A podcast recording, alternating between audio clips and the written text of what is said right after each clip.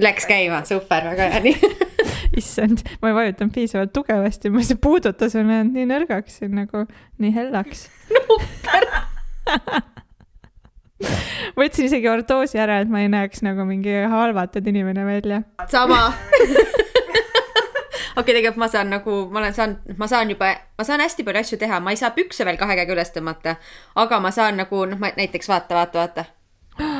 hoian tassi. Oo, palju noh õnne., on näha, et see läheb paremaks, ma olen varsti nagu läbi, ma loodan, et sul läheb ka sama ruttu kui mul. kindlasti, mul polnud üldse midagi nii tõsist ju, ära üldse muretse. mina olen Merilin ja mina olen Gea. ja sina kuulad Jess lapsed taskuhäälingut. Jess lapsed. Ja täiskasvanud, ja kõik need, kes ei tunne end ei täiskasvanu ega lapsena, kes on või ei ole lapsevanemad, me võtame siin taskuhäälingus ette kõiksugu kasvamise ja kasvatamisega seotud teemasid, näpistame neid pisut. Kaasame erinevaid hääli ja mõttekäike ja anname justkui niidi otsa kätte. ja jätame sind siis mõtisklema.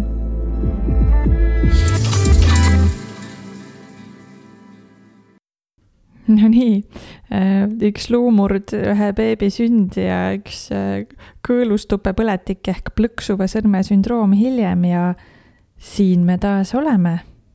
näed, räägime ruumist, nii füüsilisest kui ka emotsionaalsest ruumist meie ümber, sellest, kuidas see mõjutab laste arengut, peresuhteid, suhet iseendaga iseendasse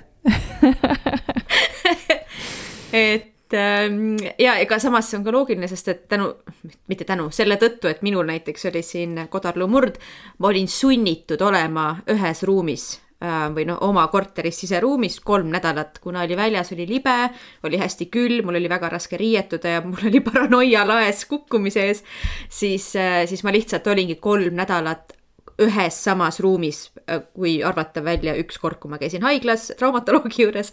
aga lihtsalt, et see, see ruumi teema oli kuidagi väga intensiivne mu jaoks ja ma saan aru, et kogu viimase aasta me niikuinii oleme veetnud väga palju aega samade inimestega, samade tunnetega, samas ruumis, aga see kuidagi, see, see niikuinii, kuidagi oli isegi hõre olla siis see kuidagi võimestas veel seda hõredust, et sa oled siin ühe diivani nurga peal ja sa näed neid samu asju sealt diivani nurga pealt, isegi meeldivad nagu nurgad muutuvad kuidagi nii rusuvaks. Issand, kui tore, nii lõbus, nii lõbus ja, ja sihuke positiivne. No, mina võin küll siit äh, positiivsel toonil jätkata, selles mõttes, et meie ähm, ju kolisime siis perega nüüdseks aasta aega tagasi siia Inglismaale Brightonisse ja kolisimegi täiesti, täiesti tühja korterisse.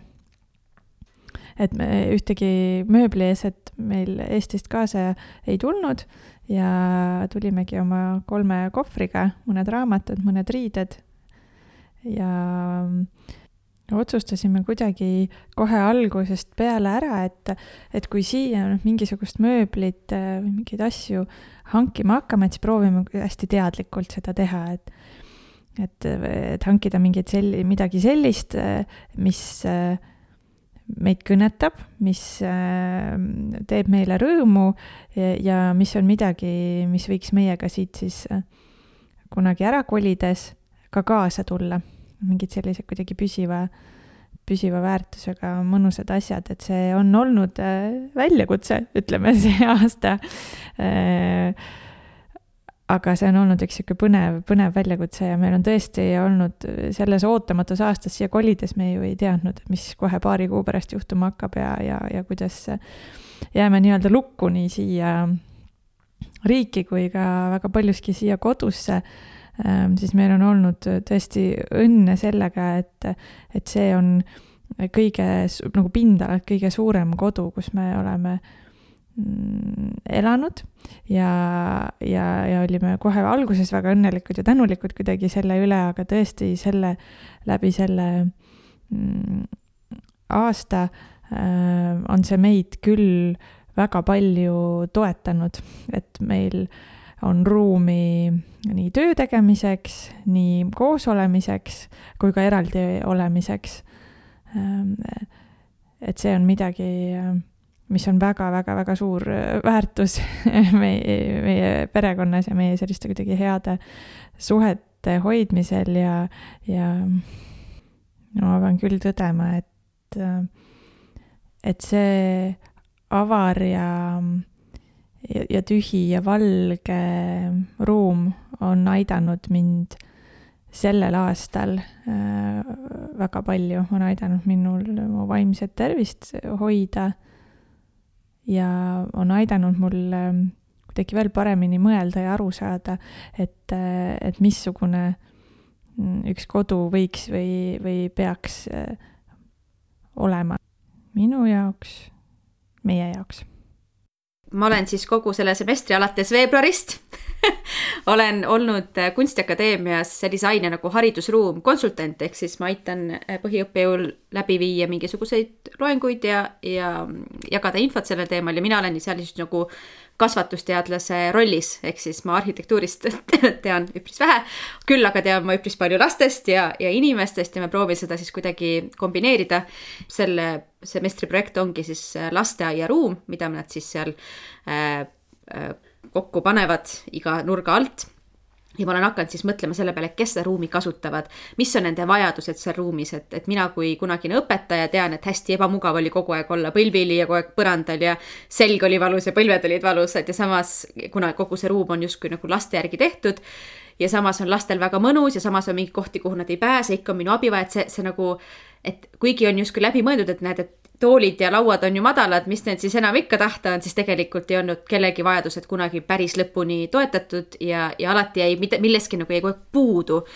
ja, ja hästi huvitav on lihtsalt näha ja kuulata ja mõelda ka kaasa, kuidas siis saab ühte ruumi tegelikult niimoodi projekteerida, et kõikide võimalike osapoolte vajadused on arvesse võetud ja, ja just nagu alates nagu noh, valgustusest ja müra tasemest kuni siis konkreetselt kasutamiseni ja nagu mitme, mitmeti kasutamiseni välja.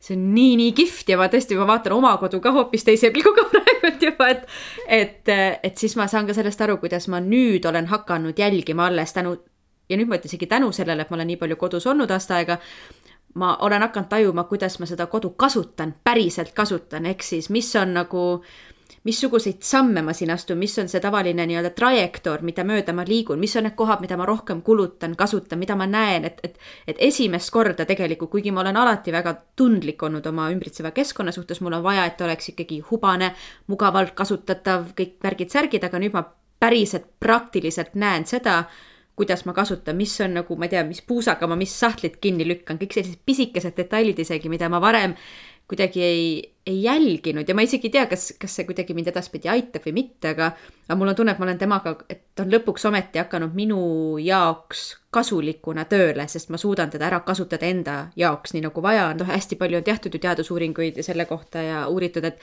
milline ruum mõjub näiteks vaimset tervist toetavalt ja milline ruum mõjub noh, nagu rahustavalt ja missugune missugune, mis asi on see segadus üldse, mis inimesi tavaliselt segab ruumis ja mis on see privaatsus ja kõik nii edasi. ja need kõik ikkagi lähtuvalt sellest, lähtuvad sellest lõppude lõpuks, et, et igal inimesel on mitu ruutmeetrit iseendale, et igal inimesel on seda nagu äh, nagu neid vahendeid, et teha omale mingid suured aknad, mis avanevad loodusesse või noh, et, et see on nagu, et kui me võtame kõik need nagu nõuanded kokku, praktilised ja soovitused, et kuidas siis tekitada kodu, mis on hästi nagu toetav, siis selleks peab ka ikkagi olema nagu omajagu ressursse ehk siis suurem osa meist ja suurem osa ajast me lihtsalt peame kuidagi tegema hästi palju kompromisse. et ma ütlesin, et, et meil on siin kõigil ruumi, eks ole, ja oh kui mõnus ja hea ja niimoodi ja tead, ma rääkisin Adelega, oma kuueaastase tütrega korra ka sellest, mida ta arvab siin elamisest. et ongi aeg, et me lõpuks annaks sõna nagu lastele ka, et me siin ikkagi täiskasvanutena räägime küll, et no minu arust on parem ikka nii ja minu arust on neil ikka lihtsam naa ja tegelikult on siis üks kuueaastane Teele, kes ütleb, kuidas asjad tegelikult Just, käivad tema arvates. Äh, kuula, kuula nüüd seda. minu nimi on Adele, ma olen kuueaastane. kas sulle meeldib oma tuba koristada, Adele? Üldsegi mitte, mulle ei meeldi nagu, see võtab nii kaua aega ja niimoodi nagu lihtsalt ma ei suuda. kas sul on kodus oma salakoht olemas? no jah see on minu voodialune koht. nagu ma ei ole veel seal kõik kaunistanud, pannud asju, sest ma ei ole selle peale mõtlenud, aga nüüd mul tuli see mõte, nii et noh, ma teen võib-olla seda täna. Ja mul on teine salakoht ka, mis on muidu diivani taga, seal on sihuke väike nurk ja niimoodi, seal ma ei ole ka veel kaunistanud ega midagi. kus sulle kodus kõige rohkem meeldib olla? no teie toas, minu ema ja isa toas, see on äge mõnus ja niimoodi suur tuba ja minu tuba on päris väike ja sassis. kas sul on mõni koht kodus, kus sulle üldse ei meeldi olla? kus mulle üldse ei meeldi olla hmm.? no mul ei ole siukest kohta nagu, aga natuke ei meeldi olla kabinetis, sest siin on vahepeal igav. kui sa saaksid oma kodus ühe asja ümber muuta, siis mis sa muudaksid? minu voodi teie tuppa, nii et siis minu ema essi tuppa. Appi no vot, nagu sa kuulsid äh, siin äh, lõpus, on ju, et äh, tema võiks veel kolida meie tuppa ja tema võiks olla veel lähemal meile kuidas, missuguseid mõtteid ja tundeid see mõte see sinus tekitab? minus õõva, ma ütleksin, ja õudust ja meeleheidet nagu selle, selle aasta lõpetuseks. et, et see oli väga noh, see ei olnud mulle üllatus, et ta niimoodi ütles, aga see mõte sellest, seda mm -hmm. ma olen mõlgutanud nagu äh, siin mitu korda, et ta äh,, et ta tõesti, et temale see ei ole kuidagi nagu, et tema ei hinda seda avarust ja seda ruumi üldse sellisel viisil nagu meie veel, noh, ta on niimoodi ikkagi veel väike ka, sellel hetkel ma saan aru, et ta on ikkagi veel mm -hmm. nagu väike, et talle ei meeldi otseselt üksi teisel korrusel oma toas teha asju väga pikalt mm -hmm. omaette ja ta ütles, et ta tuba on väike ja see on, see on sulavale ta tuba ei ole sugugi mitte väike. ka temal on kõige suurem tuba, kus ta on elanud oma elus noh, sihuke nagu harilik tuba onju. et mm -hmm. ja, ja see, et ta jah, ikkagi veel nagu tahaks elada, et ta veedab enamus aega meiega koos siin all äh, elutoas mm, -hmm. ta mhm. tahab olla meiega koos, see on ühelt poolt väga nunnu ja teiselt poolt väga ahistav ja noh, muidugi, eks see on ju seotud ka paljuski, ma arvan, olnud sellega, et me, et me kolisime, et me oleme uues kodus ja mm, -hmm. ja et ta käib, on ju, uues koolis, võõras keelekeskkonnas ja noh, kõik need asjad on ju, ja siis sa mhm. tahadki mm -hmm. olla turvatundega. no turvatunne ikkagi, jaa. sest samas jälle ongi ikkagi mingid uuringud ju ka näitavad, et kui, kui elada liiga pead, jalad koos, et siis äh, mm -hmm. langeb justkui see pere äh, oskus oma emotsioone tegelikult väljendada, tolereerida teineteist, üksteist, otsuseid teha. ja, ja samas ei ole ka jälle väga hea, kui ollakse liiga kaugel üksteisest, on ju mhm. kui ma nüüd selleks valmistusin salvestuseks, siis ma hakkasingi aru saama sellest, et vau, et ma ei olnud mitte kunagi varem mõelnud ja võib-olla siis ma olen viimane inimene maailmas, kes pole seda mõtet mõelnud, aga et me veedame suurema osa oma elus siseruumis. Et see oli, et see oli minu jaoks sama suur üllatus praegu, kui ma sain kunagi aru, et me veedame kolmandiku elust magades, et kui sa elad üheksakümne aastaseks, siis kolmkümmend aastat sellest sa oled maganud.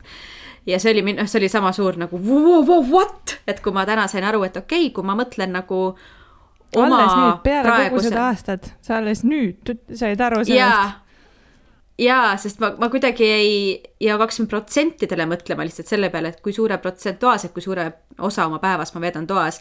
ja mitte lihtsalt siis oma kodus, vaid ka siis, kui ma käisin kunagi tööl ja nii edasi, et see on ikkagi. ja siis, et kui vähe ma nagu, kui palju rohkem ma oleks pidanud sellega arvestama meil siis väga, väga mitmed külalised taaskord äh, selles saates räägime füsioterapeutidega räägime koristamis- ja korrastuskunstnikuga, räägime miljööterapeudiga, aga alustame väga praktilise ja väga käegakatsutava teemaga, koristamine. et siin mm, Adele on vahepeal õppinud lugema ja üks tema lemmikuid raamatuid on issand, vot, mis see nimi on, printsess printsess Pisitriinu ja karjuv ebaõiglus. ta sai oma vanaemalt selle raamatu. ja seal on ka üks väga praktiline koristamist puudutav äh, palakene ja ta loeb sealt ühe lõigu. printsess Pisitriinu ja karjuv ebaõiglus. karjuv ebaõiglus number üks. Miks peab lastetubasid valitsema täiskasvanute kord? üks suure elu ebaõiglus on see, et lastetoad peavad olema täiskasvanute moodi korras. pisitriinu ei saa üldse aru, mispärast. on ju palju toredam, kui asjad on seal, kus nad on, mitte seal, kus on nende koht. või see oleks toredam, kui isa ja ema lihtsalt lubaksid asju olla seal, kuhu nad satuvad, sest õhtuti hakkavad suured lastekraami mööda maja laiali tassima. Ja siis, kui lapsed oma mänguasju otsivad, ütlevad vanemad ülbelt, et need on seal, kuhu lapsed nad jätsid. aga ei ole, vaid on hoopis seal, kuhu täiskasvanud on need keset ööd päitnud. Ja see on sulatõsi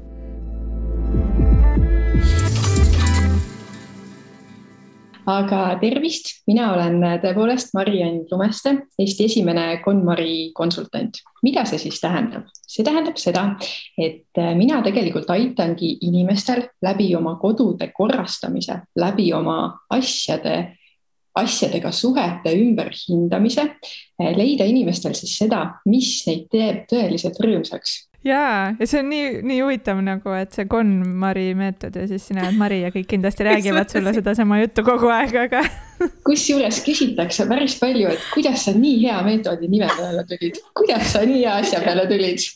üldse mina ei tulnud, aga ma tõesti arvan, et see on meant to be, et nii läks, et mina olen Mari ja siis ma leidsin selle KonMari meetodi aga kuidas sa siis leidsid selle, kui sa nime järgi ei otsinud seda, kuidas see sinuni tuli või? tead, täiesti juhuslikult Netflix soovitas mulle seda seriaali ja sattusin vaatama ja olin täiesti, täiesti müüdud, kuidagi see äh, ennast ümbritseva maailma ja kodu ja läbi asjade see enese leidmine ja oma elu lahti mõtestamine rõõmu leidmine nii, nii, nii väga kõnetas mind ja see oligi täpselt see koht, kus, kust siis alustada ja see ei ole siis äh, mitte sinu, Mari, välja mõeldud meetod, vaid äh, see on äh, Marie Kondo välja mõeldud. tõepoolest, jaapanlanna Marie Kondo, sellest siis ka meetodi nimi, KonMari meetod mm. -hmm. tema siis tõesti selle, selle meetodi aastakümnete jooksul välja töötas ja selle meetodi looja on ja, ja täiesti orgaaniliselt niimoodi juhtuski, et mind ennast see meetod nii väga aitas, ma olen nii suur fänn ja minu jaoks see on tõepoolest vastus kõikidele küsimustele. see on väga hea, et sina läksid peale selle seriaali vaatamist äh, kohe raamatut ostma, mina läksin just Jyski neid nagu karpe ostma järgmisel päeval. Mulle see mõjus niimoodi ma ütlesin, et nüüd see põhi, see on juba teada sealt seriaalist, oota, mis ma siin ikka uurin, hakkan kohe aga rullima ja voltima, noh see ongi väga selles mõttes äh, hea point ka, et ega siin ongi, ma ütleksin, miks KonMari meetod nii hea on, ongi sellepärast, et siin on kõigile midagi. kui sa oled sügavamatel eneseotsingutel ja tahad aru saada, mis sind rõõmsaks teeb, mis elu elada, kõik need suured küsimused on sul, mis vajavad vastamist, siis see on see koht, kust alustada teine asi, kui sa ei ole selles kohas hetkel, siis võtagi, võtagi siit need karbid, see voltimine, need hoiustamismeetodid ja saad väga lihtsalt sellel viisil oma elu äh, parandada ja lihtsamaks teha.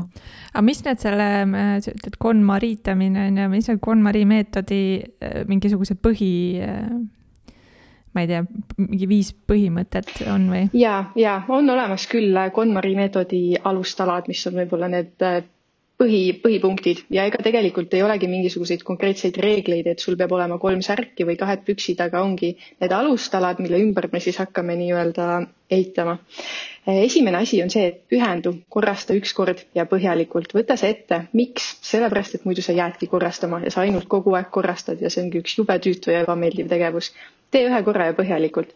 teine asi on see, kujutle ette äh, oma ideaalset eluviisi tõesti, see annab sulle selle võimaluse hetkeks peatuda ja mõelda, kuhu poole sa oled kihutamas, kuhu poole sa oled teel. tihti inimesed äh, seda ei tee, aga KonMari meetod on tõesti suurepärane võimalus selle hetke võtmiseks ja mõtlemiseks. kuidas ja kuhu edasi.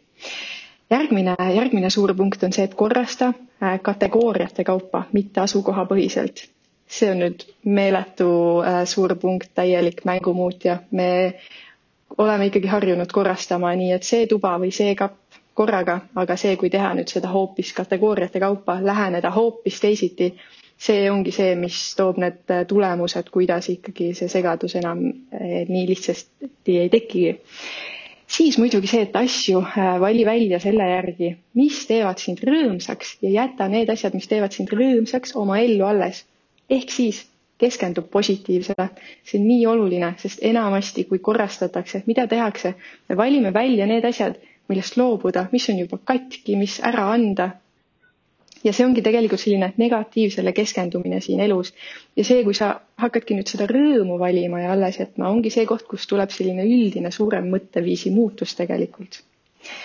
ja muidugi siis kindlasti järgi seda õiget kategooriat, see on KonMari meetodi üks alustaladest, et sa teedki seda selle õige õiges järjestuses, ehk siis alustad riietest, siis teed raamatud, siis paberid, siis komono ehk pudi-padi, kõik muu ja viimasena sentimentaalsed esemed. miks see nii oluline on?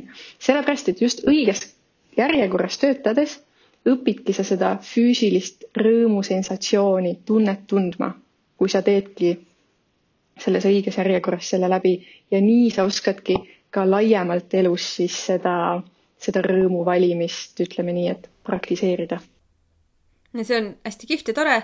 küsimus muidugi, et peres on, eks ole, meil on tihti kaks partnerit, siis meil on neli last, võib-olla kaks kassi, üks koer, et kuidas, kuidas see praktiline, noh, mina olen harjunud sellega, et sa võtad asja, mõtled, kuidas see sulle mõjub, nii edasi. aga kui sul on mitu täiskasvanut ja mitu last näiteks, kes elavad kõik ühe ruumi peal, eriti praegu noh, selles olukorras, kus me oleme, me oleme surutud võib-olla mõnikord ühe-kahe toa peale mitmekesi ja kõigi asjad peavad siis kas kõigi jaoks seda nii-öelda joy'd spark ima või kuidas sädelema või, või kuidas seda kompromissi seal leida selles olukorras? see on suurepärane küsimus, uskuge mind, kui mina mõtlen oma unistuste eluviisi peale, siis see on selline helevalge beež minimalismi KonMari meka, kus ma istun ja mediteerin ja, ja rahu valitseb maailmas. noh, mis reaalsuses toimub, praegu näitasid siis oma riiulit, kus oli sihuke väga suur, mis see nüüd on, laimiroheline mm, mänguauto, võtab pool su riiulit ära, ma ütleksin. Äh, see on siis see reaalsus, mis tegelikult on mhm, ja, ja väga palju ma olen ka ise tegelenud sellega, kuidas siis mõtestada neid asju enda ümber lahti, kuidas tunda rõõmu ka tõepoolest sellest minu oranžist mhm. Lego autost, mis, mis siin riiuli peal on. ja tegelikult see mõte ongi ikkagi see, et mis teeb mind rõõmsaks, mind teeb rõõmsaks see, kui minu lähedased on rõõmsad. ja, ja see aitabki mõtestada neid, neid asju lahti, et kui need esemed tõesti on sellised, mis teevad sinu, sinu pereliikmeid rõõmsaks, siis sind teeb ju rõõmsaks, et sinu pereliikmed on rõõmsad järelikult teevad ka need esemed sind rõõmsaks. ma tõesti ei uskunud, et sul vastus on sellele, et ma olin täiesti kindel, sa ütled, vot see ongi nüüd see koht, kuhu tegelikult ei ole, vot see meetod ikkagi ei jõua, jõudis, okei okay aga sa ütlesid, et sa oled saanud äh, palju küsimusi ähm, selle kohta, mis puudutab lastega koos koristamist ja ikkagi neid äh, laste asju, mis kuidagi võtavad äh, üle meie kodusi sageli või see tunne on selline, et võtavad üle. mis sa, mis sa räägid siis nendele inimestele? Esimene asi, millest ma alast, alati alustan, on see, et äh, tõepoolest koristamine ja korrastamine on erinevad asjad ja kui sa mõtestad need äh, asjad lahti, et need on erinevad tegevused, siis kogu see protsess, nii koristamine kui ka korrastamine muutuvad sinu jaoks hästi palju lihtsamaks tegelikult. mõni inimene hakkabki ju kohe kõiki pindu puhastama, koristama, kui ta stressis on. teine hakkab jällegi neid süsteeme looma, organiseerima, korrastama. kui sa teed neid tegevusi eraldi, eraldi ajal, siis kogu see olukord muutub sinu jaoks ilmselt hästi palju lihtsamaks, kui sa jällegi ka need tegevused mõtestad enda jaoks lahti. lastega nüüd ongi see, tõesti neid küsimusi, eriti sellel ajal, kui me siin kõik kodus oleme, tuleb hästi-hästi palju ja inimesed sellega üsnagi palju hädas on, kuidas siis lapsigi motiveerida koristama või korrastama. aga tegelikult ongi ju nii, et kuidas lapsed õpivad, kui me räägime väiksematest lastest, nad ju õpivad vaadates ja, ja jälgides kõike seda, mis nende ümber toimub ja mida nad tegelikult teevad, nad matavad meid.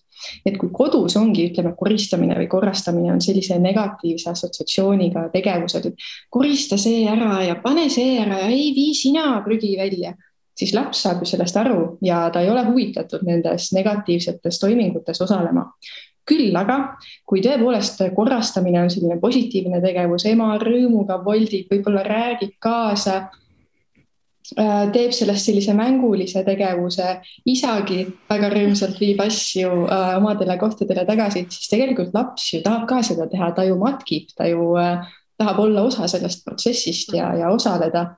ja ja siin me jõuame jällegi tagasi selle juurde, et eh, sinust esimesena tegelikult ju kõik algab ja esimesena ikkagi katsu endaga see töö ära teha, oma asjad ära korrastada ja siis proovige olla ka see positiivne eeskuju lapsele ja usu mind, ta, ta tahab ka neid asju teha.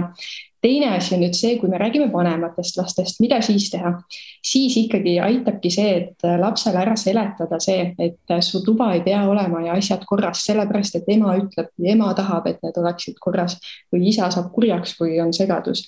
see on ikkagi tegelikult sellepärast, et äh, su enda elu oleks lihtsam ja parem sa saaksid rohkem tegeleda ise nende asjadega, millega sulle meeldib mängida, lugeda, joosta ringi, selle asemel, et asju otsida ja, ja korrastada ma olen kindlasti nagu hästi see nagu süsteeme loov inimene ja mind ajab nagu noh, mu tütar on kuueaastane, mind nagu frustreerib hästi see, et tema arusaam süsteemist on hoopis midagi muud kui minu oma ju. et kui mina ütlen, noh, ta ütlebki, et koristame on ju, et paneme pehmed mänguasjad siia, kõvad mänguasjad siia sellesse kasti, meigi asjad mingi siia, vaata. siis tal on niimoodi, et nagu mm -mm. ja siis ma pean nagu hingama viiskümmend viis korda, sellepärast et lihtsalt see on tema süsteem, aga ta ikkagi nagu koristab ära need nii-öelda, paneb need kokku just, see on jällegi ülihea point, millest rääkida. Ja see ongi see, miks tihti see segadus äh, tekib, vahet ei ole, kas töökollektiivis või, või lastega. Äh, tegelikult ongi see, et laste süsteemid, nende aju töötab hoopis teistmoodi, nende süsteemid, kategooriad on hoopis teistsugused kui meil. nii et kui meie täiskasvanutena näiteks laste asjad ära korrastamegi, organiseerimegi, miks laps seda süsteemi ei hoia, see on sellepärast, et see ei ole tema jaoks loogiline, ta ei saa aru, mis toimub. Et tegelikult ongi see kogu korrastamine ja, ja süsteemide loomine lastega peakski lapsi kaasama ja tegema siis sellised kategooriad, mida laps ka mõistab ja mida tema oskab hallata, võib-olla tal ongi oma mingite täiesti teemade järgi või. sinised asjad ja kollased asjad ja läbipaistvad asjad kõik värvide järgi on, on super, super hea mhm. organiseerida, aga kusjuures mina olen kuulnud ka selliseid lugusid väga tihti, kus vanemad siis nii-öelda niisugune salaja lapse teadmata neid mänguasju vähendavad ja arvavad, et laps on kuskil seal põhjas taga peidus, laps ei teagi ammu, et see mänguasi on olemas, aga kui see on kadunud, siis ta kohe teab. ja miks, sest tema jaoks see asi on süsteemis ja loogiline mm. -hmm. see noh, see selle nii-öelda näilise segadusega ma lihtsalt ise alati jõuan sinna, et noh, nagu fakt on see, et toad on inimestel sassis, on ju, ja meil on nagu olgu ta kui tahes pro-koristaja, äh, mis iganes isi, kui sul on lapsed, sul on mitu inimest, sul toad lähevad, segadus on normaalne, selles mõttes elu osa, ta tekib niikuinii. ja mul on lihtsalt ise nii tajun, kuidas meil on mingi segadus ümber, on selline häbi, nagu, nagu ühiskondlik häbi, et kui keegi näiteks, ma ei tea, kasvõi praegu siin sotsiaalmeedia ajastul, kui me teeme pilti oma kodust või näitame oma toitu laual, siis me teeme sealt ümbert korda, sest me tahame nagu näidata, et see, et see, et meil on kuidagi korrastatud, on kuidagi uhkuse asi või selline ilus asi. ja minu eesmärk on see, et me toome nagu ka noh, nagu sa ise ütlesid ka, et kõik need asjad, mis sind tegelikult võib-olla isiklikult segaksid, aga sul on võimalik leida neis seda ilu ja seda rõõmu, et näiteks, et, et näiteks kasvõi segadus sinu ümber võib olla ju märk sellest, et lastel oli nii kihvt päev, et nad said, et sul on nii hea meel, et, et said lõbutseda, nad said ennast välja elada, said mängida, et see segadus ei ole halb märk alati, segadus on tihti nagu järgnebki mingile väga kihvtile asjale, mis on kõigile väga meeldinud, et mul on just see, et mul on nii hea meel, et sa ütlesid ka välja selle, et ka sellest on tegelikult võimalik saada nagu see rõõm enda jaoks, et see ei ole häbi ja see segadus ei ole, ei näita, et sa oled midagi kuidagi käest lasknud või, või midagi täiesti nagu pekki keeranud, on ju. et segadus on ka hea, kui sa seda niimoodi suudad enda jaoks mõelda. Ja, ja see on väga-väga kena mõte. Ja tõepoolest seda, seda nüüd karta või arvata, et issand jumal, minu kodu on nii segamini kuidagi inimestel on tõesti see hirm ja valehäbi, aga uskuge mind, me oleme kõik täpselt samasugused inimesed selles valdkonnas ja meil kõigil on vahepeal äh, kodus segadus. aga mida ma ütlen küll, on see, et kui sa tõesti oma elu ära konmariitad ja mõtledki ikkagi läbi, mis on need olulised asjad sinu elus, siis paratamatult see asjade hulk väheneb ja, ja kui sa ka leiad ikkagi igale asjale oma kodu ja selle toimiva süsteemi, siis edasine korrastamine on ikkagi ju ainult asja oma väga konkreetsele kohale tagasipanek. nii et äh, seda segadust on ka ikkagi siis vähem, kuigi ikkagi ta võib teinekord tekkida, aga siis maru kiiresti saad sa selle olukorra ikkagi lahendada. Aga kui näiteks lastega nüüd teha seda, et istuvad, kõik võtavad ette, et okei okay,, meil on nüüd see nädal, kus me teeme korrastamise kodus, kõik, kõik kategooriad sulle võtad nii lapsega hakkame, hakkame pihta näiteks sinu siis noh, kõigepealt on ju riided, siis raamatud ja et võtate siis jõuate mänguasjadeni ja sina küsid siis lapse käest, küsidki siis niimoodi, et kas see tekitab sinus rõõmu kas on mingi parem sõnastus, kuidas sealt ümber saada, sest kõik asjad tekitavad lapse jaoks ilmselgelt rõõmu.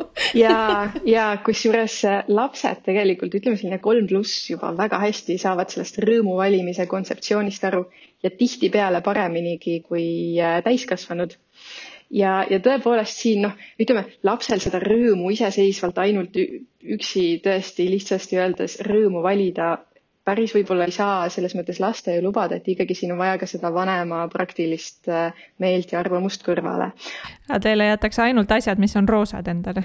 või noh, tihti küsitakse, on ju, et kas sa veel mängid sellega, et see ei ole ka ju see õige ei ole, sest et ja, ja. mõned asjad ongi ju need sentimentaalsed esemed, mis lapsele ongi ju väga kallid.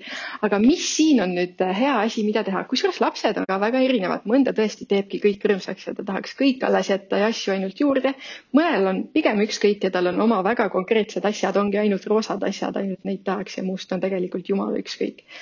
aga mida siin teha, mis on äh, hea nipp, mida vanemana kasutada, ongi seada ruumilised piirangud. ehk siis näiteks lauamängudele on see üks riiul. Äh, legodele on see teine riiul ja pehmetele mänguasjadele on väga konkreetselt see korv siin. ja öeldagi lapsele, et see on see ruum, mis meie kodus on nende asjade jaoks ja selle raames nüüd tuleb neid äh, valikuid teha mm. -hmm. et sa ise valid ja ma ei, ma ei piira sind kuidagi, aga ma ütlen sulle, et need sinu valikud peavad siia ära mahtuma lihtsalt. just, just, noh, mänguasjade puhul mm -hmm. näiteks, eks just, ole.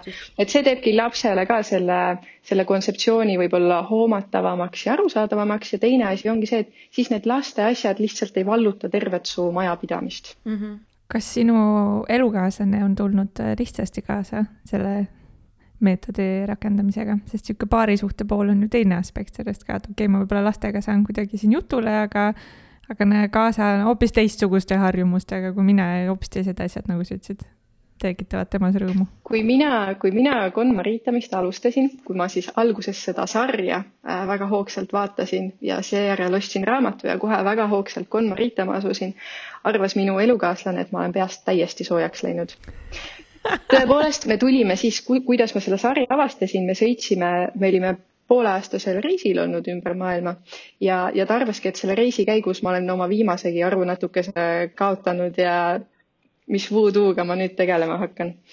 ja ta oli üliskeptiline selle osas alguses või ta üldse ei mõistnud, mis toimub. kuniks siis poolteist aastat hiljem ma olin üksinda reisil ja ma tulin koju ja ta oli kõik oma asjad ära konmoritanud üksinda, ise kodus. ta oli kõik, kõik tehnika asjad kõik pannud väikestesse karbikestesse ja tõesti see vaatepilt oli üks ilusamaid, mida ma olen kunagi näinud. ja tõepoolest, ma isegi arvaks, et minu elukaaslane, kes on väga selline kahe jalaga maa peal numbrite inimene, Exceli inimene et tema ei, ei tuleks sellega kaasa ja ei tulnudki, aga mis juhtus, see poolteist aastat ta tegelikult nägi seda, kui äh, palju rõõmsam ma olen, kui palju parem ja lihtsam minu elu on, kui ma teengi ainult neid asju, mida ma väga tahan, kui ma ei pea asju otsima ja selles segaduses äh, navigeerima. no öelge mulle, kes see tahaks siis ise olla selles suures segaduses, kui teine kõrval oma parimat elu elab et tegelikult siin ongi ülioluline on, on see, et kui inimesed näevad seda positiivsest, positiivset muutust, mida konmariitamine sinu ellu annab, siis nad tahavad ka.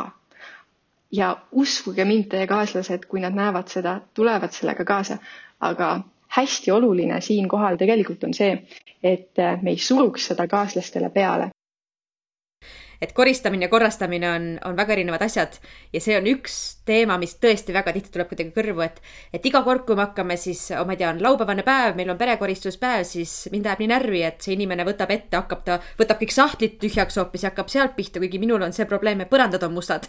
Et, et, et just see, et see, et see konflikti allikas ongi tihti see, et, et kuigi me nagu justkui räägime koristamisest, siis inimesed keskenduvad nii erinevatele asjadele, rääkides koristamisest, see on väga äge, et sa sellega ka äh, välja tõid niimoodi. just, et see korrastamine võikski olla selline protsess, mis sa võtad hästi põhjalikult ühe korra ette, teedki kategooria kategooria kaupa, teedki kõik läbi.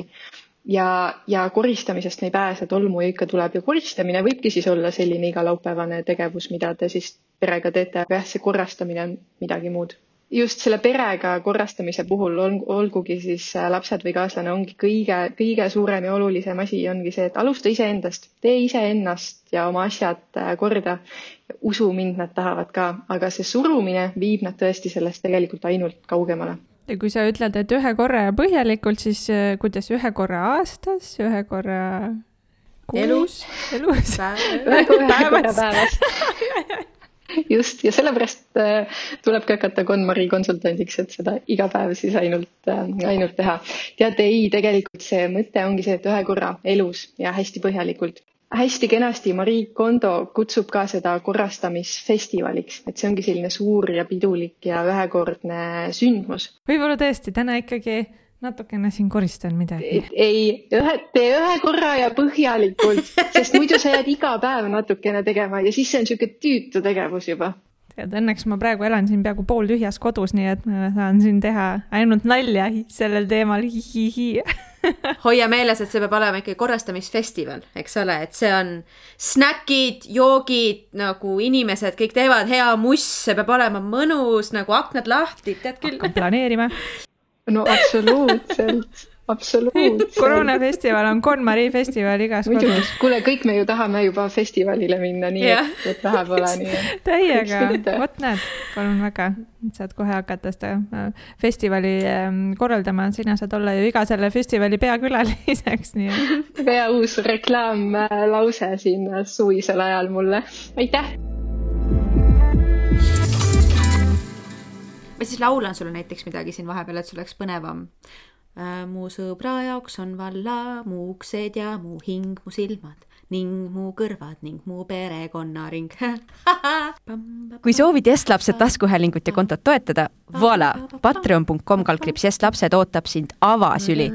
patroonidele on saadaval ka iga taskuhäälingu osa täispikkuses loetavana ning vaimse tervise ja teadvel oleva vanemluse ampsud. no ja lisaks muidugi ka südamerahu vanemahariduse edendamisest aitäh sulle! oi, poisid plikad, tore on see elu.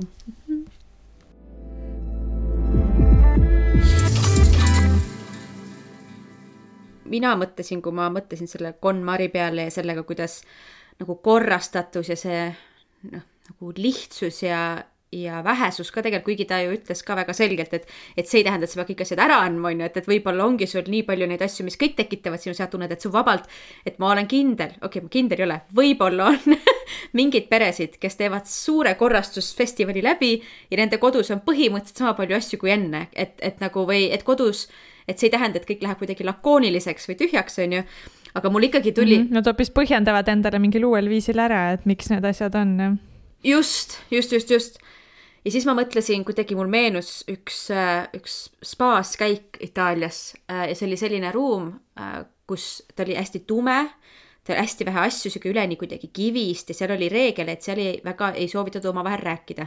et kui sa sinna lähed, et see oli sihuke üpris, noh, ta oli mõned ruumid ainult, ei olnud sihuke suur-suur spahoone, aga lähed sisse, siis on sihuke hästi tume oli, paar sihukest valgust nagu äh,, nagu siis kus valgus sisse pääses, niisugust loomulikku valgusallikat äh, ja hästi vaikne ja hästi rahulik ja kõik kuidagi sosistasid omavahel.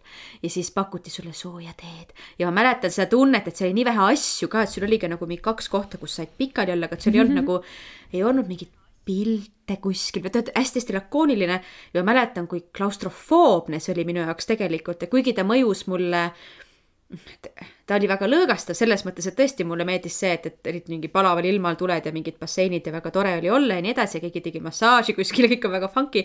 aga ma mäletan, kuidas mul nagu, mul nagu rang-, nagu langes sihuke kivi südamelt, kui ma sain sealt välja tagasi ja ma läksin sealt välja tegelikult ju kärarikkasse nagu Firenze linnaruumi ehk siis nagu kuidagi mm. kõik tuutud värgid-särgid ja ma tundsin ja mina, kes ma väga, ma armastan vaikust, ma armastan üksi olekut, ma armastan nagu seda, kui ei ole ähm, ruumis nagu väga palju üleliigseid asju, mida võib-olla siit mm -hmm. aru ei saa. müra, mitte mingisugust, et nagu jah, häältemüra kui ka asjade müra just, nagu. täpselt, et ja mina tundsin ennast nagu kuidagi noh, nagu mul oli raske olla selles kohas tegelikult ikkagi ja siis ma mõtlesingi, et nii tore, et mõnikord ju see segadus tekitab just selle tunde, et et sa oled kuskil kohas, kus sind on nagu oodatud ja kus sa ise tunned, et sa oled olnud seal, et see, mida palju öeldakse ka, et, et, et siin on, siin on tunne, nagu siin võiks elada või keegi elab siin, et see, et see elamise märk on justkui see, et asjad on natukene sassis kogu aeg. et, et siis tegelikult, et see segadus on ka vahel pigem toetav, mitte siis mm -hmm. äh, mhm. takistav mm. -hmm. nojah, ongi ja kui, äh, et see nagu keskkond äh, mõjutab äh, mingil hetkel, kui me oleme väga väiksed, lisaks meie vaimsele arengule, aga meie füüsilist arengut ju ka mm. -hmm. et siis need, et mõnes mõttes need füüsilised asjad ja, ja objektid ja see füüsiline ruum nagu äh, mõjutab meie füüsilist äh, arengut ja, ja sellest me mõtlesimegi natuke nende füsioterapeutidega siis rääkida ka, seepärast et nemad on äh, väga põnev paar, kes käib ka kodudes vaatamas lapsi ja toetamas perekondi. et sihuke põnev vaatenurk. uurime nende käest, et eh, mida nad näevad seal kodudes. ja mida kõik valesti teevad ja mida nad ei tee valesti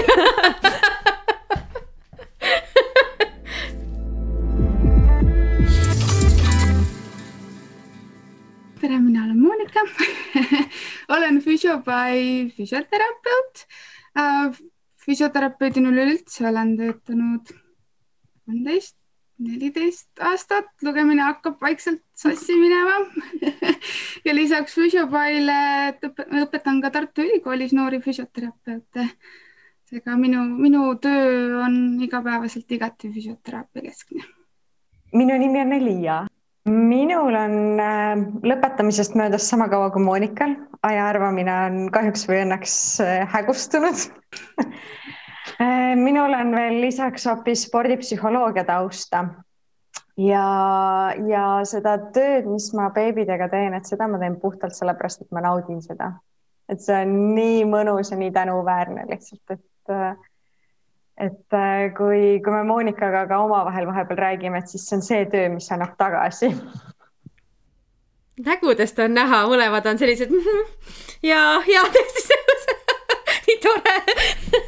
Ja, ja noh, ongi, kui me hakkasime, kui me hakkasime selle ruumi teema peale mõtlema, siis tegelikult ega teie jäite ka mulle silma kuidagi lihtsalt äh, guugeldades internetist ja just nimelt see pool, et te käite kodudes äh, ka mis mulle tundus kuidagi väga Äh, huvitav, et see ei ole, noh, ma ei tea, kui levinud ongi, absoluutselt mitte midagi teades nagu sellest teemast, kui levinud see on, et Eestis spetsialistid käivad kodudes kuidagi lastega tegutsemas, mingeid soovitusi andmas ja seal ruume vaatamas ja nende ümbrust vaatamas, et siin Inglismaal, kus ma viimased aasta aega olen ja nüüd ka oma teise lapse siin sünnitasin, ta on viienädalane praegu, on küll nagu väga paljud ämmaemandad erinevad on käinud siin kodus, eks ole, ja et neil on see kuidagi hästi harilik praktika ikka tulla ja olla toeks just sinu enda ruumis, sinu oma keskkonnas. et siis äh, võib-olla selle nurga alt meil kuidagi Meriliniga ka nagu klikkis, et ahah, et vaat kui põnev, et tahaks rohkem teada kodufüsioteraapia või kodukülastused Eestis äh, küll vaikselt tuleb neid tegijaid juurde, aga ta ei ole veel nüüd väga-väga levinud. ja, ja selles suhtes olen täiesti nõus, et lastega minu meelest kodukeskkond on nii A ja O et kodus laps on äh, kõige rahulikum, ta on kõige stressivabam ja, ja oma töökogemusest võime loendamatuid näiteid tuua, kus äh, emad-isad ütlevadki, et äh, haiglavisiitidel või mujal kuskilt kodust väljaspool käies laps võõrastab nii hullult, et mitte midagi ei saa teha. ja meie läheme koju, laps ainult naeratab, kõike teeb kaasa ja, ja mõtled, et nagu aga absoluutselt, kodu on meie kindlus ja seal ta tunneb ennast hästi ja, ja tuleb ka see võimlemine ja teraapia ja kõik see koostöö palju paremini välja. ja tegelikult ka, kui me võtame seda teaduspoolt, siis igal pool lastega eriti rõhutatakse, et perekond on meeskonna osa ja kodus tuleb jätkata seda, mida teraapias tehakse ja kodukeskne, kõik kodu, kodu, kodu. ja, ja seda enam meie jaoks tuli see täispilt kokku, et, et see kodu on nii oluline osa. ja meil on Eliaga kahe peale viis last, seega me teame ka me teame on see, kui sa pead minema kellaajaks ja kui sul neid rohkem kui üks, siis on ikka kellelgi, kellelgi kõht tühi, kellelgi kakapüksis ja kellelgi uneaeg et see on selles suhtes ka luksus, mida vanemad ütlevad, et issand, kui hea, et keegi tuleb koju.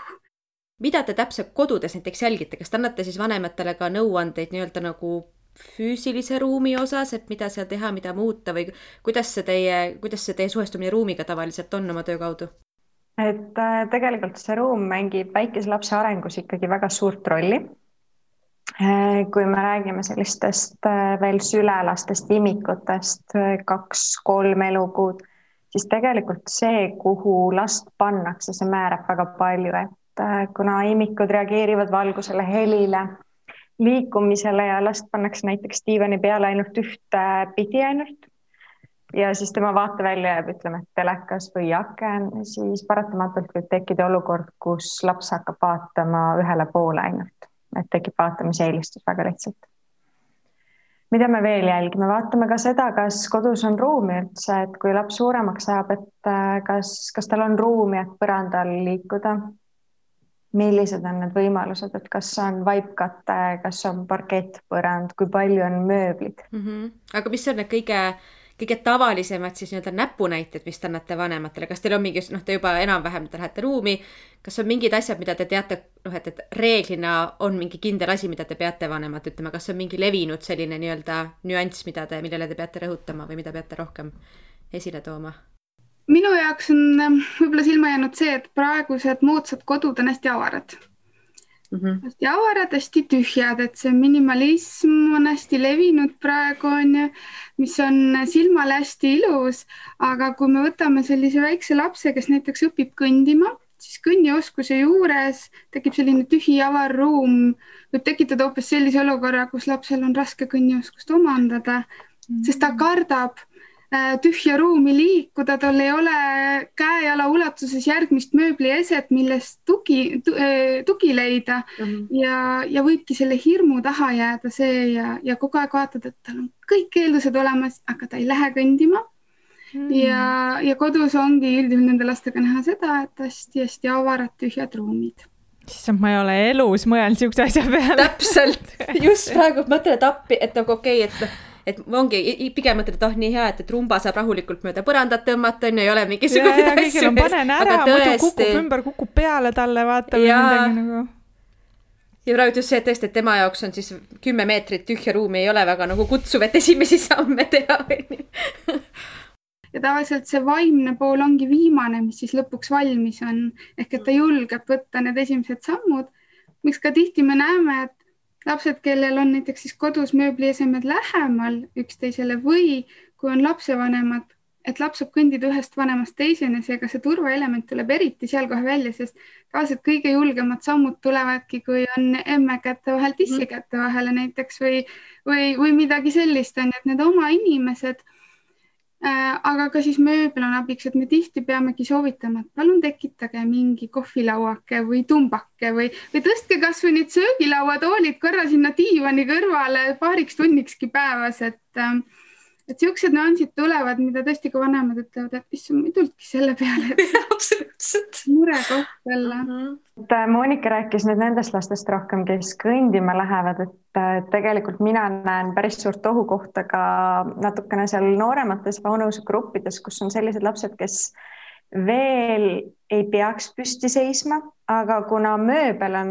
neile nii mugava kõrgusega, siis neil on väga lihtne ennast püsti vinnata teistpidi, issand. teistpidi, jah et siis tegelikult ongi niimoodi, et kui me käime kodudes, siis üks kuu me ütleme, et palun nüüd äh, rullige vaip kokku. järgmine kuu lähme, nüüd rullige see vaip jälle lahti. ehk siis te käite nagu füsioterapeudid, kes käivad iga kuu andmas sisekujundusnõuandeid põhimõtteliselt perekondadele nagu, et mitte lihtsalt trendidega kaasas käia, et lapse arenguga kaasas käia, siis muud nagu kuidas kodu, jumala kihvt teenus füsioterapeut, kodukujundaja. jaa. Tegelikult see väike inimene kujundab seda kodu hästi palju, et enne sai mainitud ka see vaip versus siis paljas põrand on ju, et see on jälle oskustest tulenev, et roomama õppiv laps vajab puitpõrandat või noh, libedat põrandat, sest seal peal see väike kõhukene libiseb paremini edasi ja kui ta hakkab käputama, siis on jälle vaja vaipa põlve alla, et need põlved ei vajuks laiali, eks ole. Et siis on nii mõnigi pere on lausa ekstra vaiba ostnud siis sellepärast, et laps hakkab nüüd käputama et siukseid huvitavaid nüansse on jah. Et noh, ma ise, ma olin lasteaias õpetaja, ehk siis ma olen täiskasvanud inimene, kes oli pidevalt lastele loodud ruumis tegelikult, ehk siis see ergonoomia seisukohast oli hästi tüütu, raske, sa oled pidevalt põlvili, pikali, istuli, sul on, oled küürutad ja mis iganes veel, kuna ruum on tegelikult loodud laste järgi ja sul on paar üksikut tooli, kus sina saad istuda, aga ülejäänud aja sa istud seal niimoodi põlved kurgu all. sa vetsus said käia aga... ikka täiskasvanute vetsus või? meil olid üksikud väikse. kabiinid, kus sai, aga mõned lapsevanemad ei teadnud seda ja vahepeal käisid kogemata lastekabiinis ja olid siis hädas, aga see, et, ähm, et kuida-, aga noh, tavaliselt meie kodud on, on ju noh, täiskasvanute ruum. ehk siis äh, jätta kõrvale nagu see lapse nii-öelda vaimne tervis selle koha pealt, et ta peab pidevalt elama maailmas, mis on hästi palju kõrgem temast ja kaugem, siis kuidas, kas see on ka mingisugune ma ei ole kindel, kuhu see küsimus praegu läheb, sest ma alustasin seda lõpuni mõtlemata, aga kas see on tekitanud teil mingeid mõtteid, see mõttekäik. jah, et sageli ju see mõte on see, et ma teen oma lapse toa, võib-olla seal ma vaatan, et teen tema järgi kuidagi, aga ülejäänud majas on ikkagi nagu noh, meie. selles suhtes, mis mina, mina siinkohal ütleks, et see ähm, lastele mõjuvad hästi arendavad äh, arendavad sellised tegevused, mis nad saavad vanemaga koos teha uh. -huh. ja tihtilugu ei olegi vaja lastega lastemänge mängida koos, et mõn, nii mõnigi lapsevanem on vahel öelnud, et ma ei jõua neid torne laduda ja mulle ei meeldi need puslet, seda puslet on kakskümmend viis korda täna juba kokku pandud ja ma ei taha rohkem. ja siis ongi tegelikult, sa ei peagi tegema ja lapsed tihtilugu naudivad just neid tegevusi, mis täiskasvanud teevad ja nad saavad olla osanikud seal siis. et näiteks kasvõi söögi tegemine, küpsetamine, neile väga meeldib ja, ja tegelikult on nii palju vahvaid abivahendeid tulnud nüüd eriti need siuksed pukktoolid on ju, millega saab siis lapse tõsta sinna eh, töö tasapinnale niimoodi, et ka tema on mugavalt seal taga. et mina väga julgustaks selliseid astmeid, treppe ja, ja muid abivahendeid kasutama, et, et see keskkond kohanduks lapsele ja ta saaks osaleda siis nendes tegevustes koos vanemaga. Ja see on hästi tänuväärne ja see kiindumussuhe, mis siis ka sealt kasvab, on see, see lõpptulemus on väga ilus ja soe, seega julgelt kasutada selliseid asju ja leida neid lahendusi, aga neid lahendusi on ja neid, neid tasuks otsida ja, ja tõesti pakkuda lapsele seda võimalust teha lihtsalt koos, see koostegemise rõõm. et kui Monika räägi, rääkis sellest, et kuidas laps tuua nüüd täiskasvanu tasapinda mm, -hmm. siis tegelikult mina olen pigem soovitanud ja näen seda, et kui, kui laps hakkab roomama, rohkem kõhuli mängima põrandal, et siis pigem vanemad võiksid kolida ka põranda tasapinda oma tegemistega, et mitte diivani peale istuma jääda ja lapse põrandale panna, et, et see on nagu see oluline koht, mida võiks jälgida. et äh, muidu on tõesti lapsel on ka, ega tal ka üksinda lõpus ei ole seal põranda peal pidevalt on nägu on kuk-, kuklas on ju ja, ja, ja. et pigem nagu mõelda selle koha pealt, et ongi, et pigem jätad enda läpaka arvuti peale, istud põrandale, et laps arvutini näiteks ei küündiks, aga et end, enda tegevused siis ka põranda tasapinda tuua. lapsel on kordades motiveeritum tunne õppida roomama, kui ka täiskasvanud on temaga samas tasapinnas. Mhm. just, et see on ka nagu hästi vanuse, vanusetundlik, et et selles suhtes, äh, mida, mida väiksemad on, seda rohkem tõesti minna tema tasapinnale ja mida suuremaks nad saavad, seda rohkem tuua neid täiskasvanuga. et see oleneb nüüd vanusest ja oskustest. ja, ja teine asi, mis siit võib-olla tuleb, mida me oleme tähele pannud, et need, et ei juleta neid pisikesi beebikesi põrandale panna ja, ja tihtilugu ongi äh, laps võib-olla kolme-neljakuune, aga ta on ikkagi kuskil, kuskil seal pehme, sooja, mõnusa aluse peal, aga, aga tegelikult me julgustaks juba päris pisikesi pane, panema põrandale, sest põranda tasapind on tegelikult esiteks kõige turvalisem, tal ei ole kuskilt kukkuda.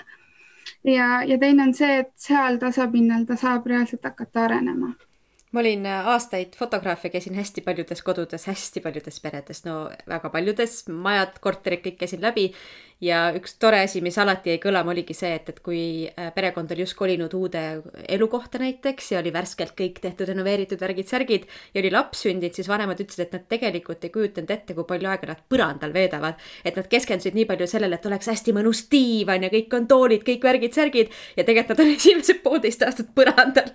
et nad oleks pidanud investeerima mõnusamatesse vaipadesse ja kuidagi nagu soojemasse põrandasse mida kõike veel et on tunda küll, et see jah, kuidagi, et see tasand, see põranda tasand on tegelikult nii, nii, nii suur osa pereelust üleüldiselt ja, ja mitte ainult siis esimesel ja paaril aastal, vaid ka noh, edaspidi, et nii palju on seda ka molutamist põrandal või kuidagi mängimist, jah, just. mul seitsmene siiamaani armastab ka kodutöid põrandal kirjutada mm, -hmm. laud, laud ja tool täitsa olemas, aga ei, see põrand on see kõige parem koht millegipärast. et see kutsub ja, ja selles suhtes jah, et äh, ei taha küll, et see valesti kõlaks, aga, aga see on tõsi, et lapse koht on põrandal väga hea, sellega me alustame. Sellega me alustame, see on meie seekordse osa intro. Sobib väga hästi.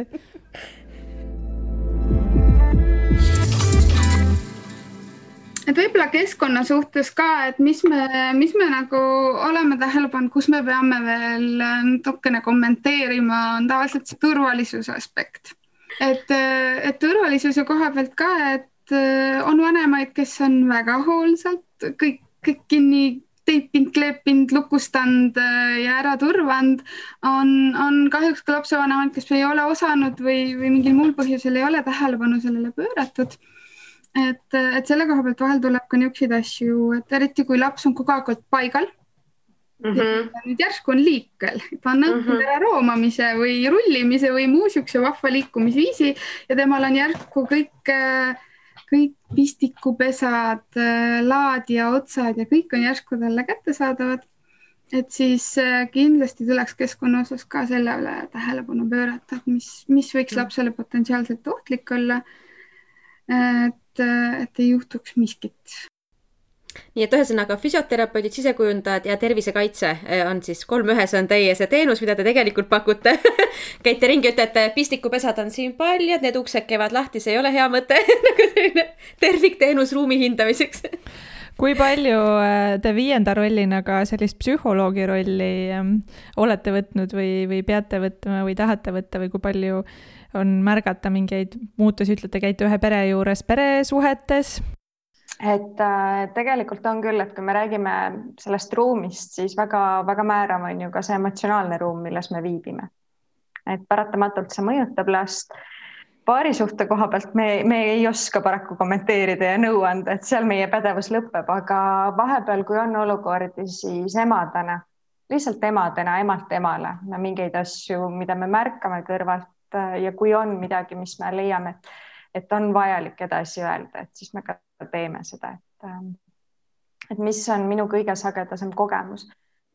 Ähm, võib-olla kaks punkti tooksin välja, et emad kipuvad ennast hästi ära unustama, kui laps sünnib, et äh, et tehaksegi kõike lapsele ja sellist endale taastamise aega ei võeta absoluutselt.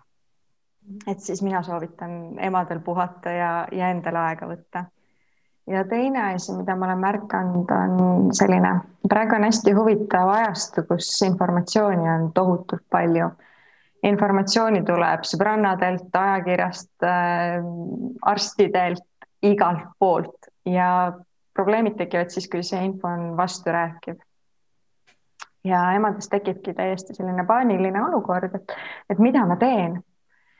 üks ütleb ühte, teine ütleb teist, mis ma nüüd teen et, et siis minu selline soovitus on ka olnud, et tegelikult äh, lapsevanemad tunnevad enda last kõige paremini, et kuula ennast ja, ja võta see aluseks ja seal sellest lähtuvalt tee, tee need valikud, tee need otsused, mis vaja on. Ja siis, kui on vajalik, konsulteeri eriala spetsialistiga, pädeva inimesega antud teemal et, et mitte võib-olla kogu infot aja, ajakirjandusest võtta mm. -hmm. ja seda võrdlemist esimesel eluaastal on nii palju, et aga tema laps juba teeb seda ja minu laps veel ei tee ja, ja noh, see on, see on selline pidev, pidev teema, millega mm -hmm. me ka mhm. kokku puutume. kui palju te, kui palju suur osa teie tööst üldse keskendub sellele, et rahustada vanemaid maha, et kõik on okei okay. see on väga tihti see on väga tihti ja see on täiesti loomulik, et lapsevanem muretseb ja,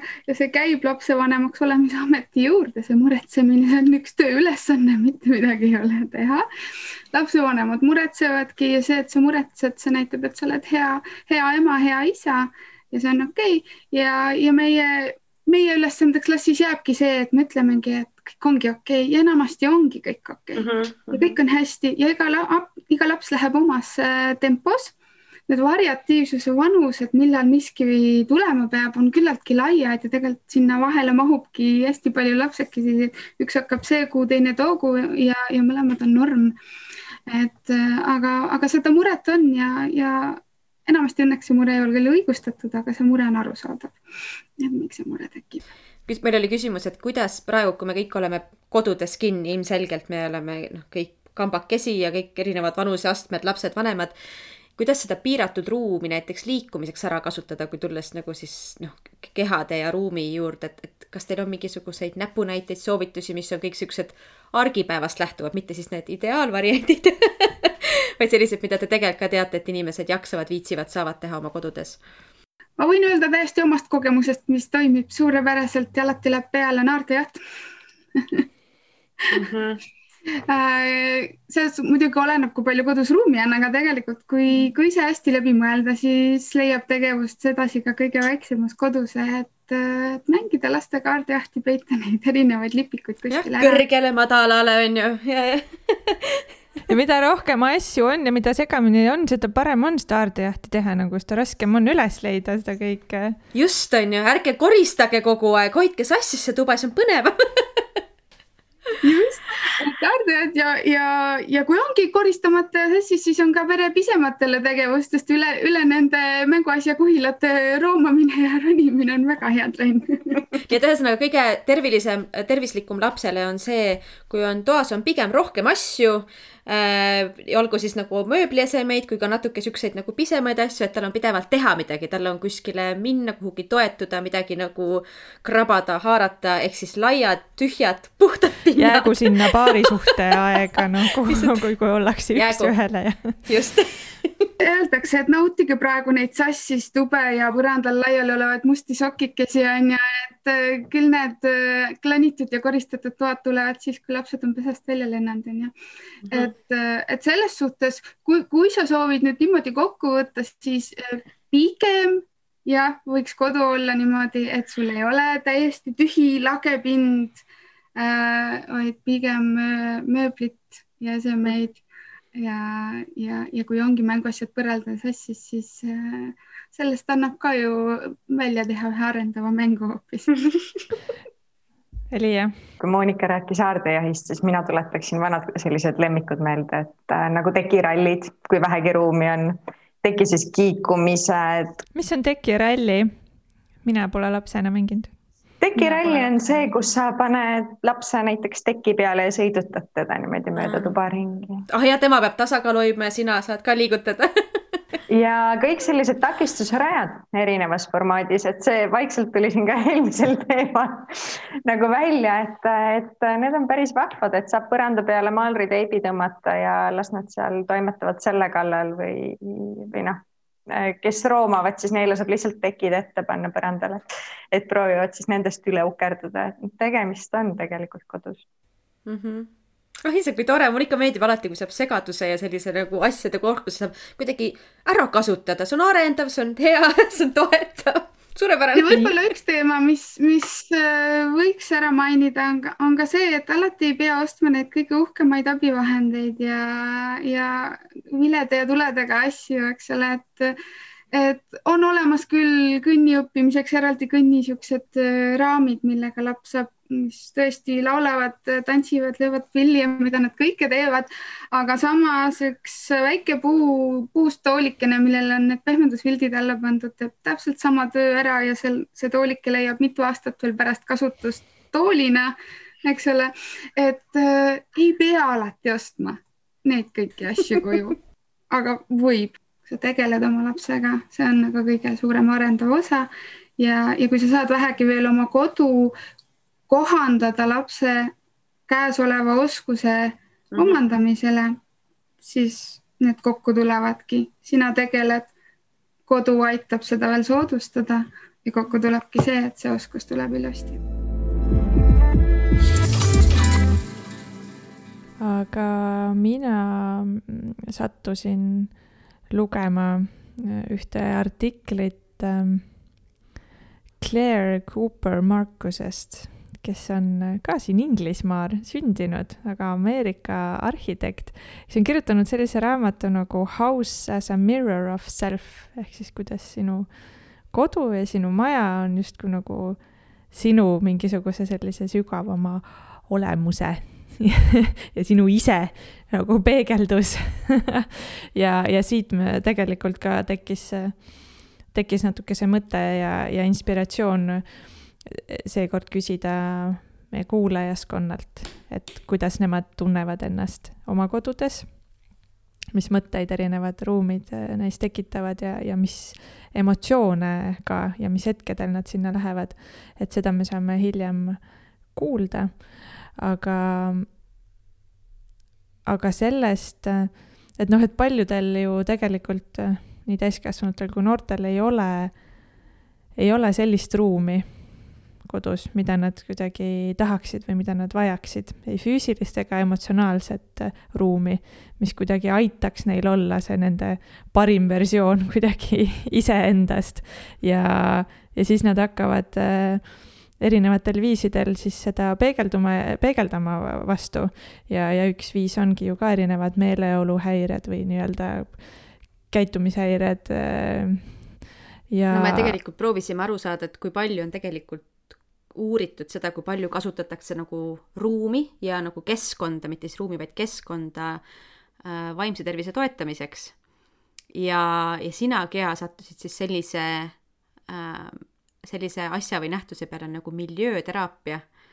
minu nimi on Karl Must ja ma olen siis äh, miljööterapeut Pepleri ravikodus ja samuti siis äh, magistrant psühholoogias Tartu Ülikoolis äh,.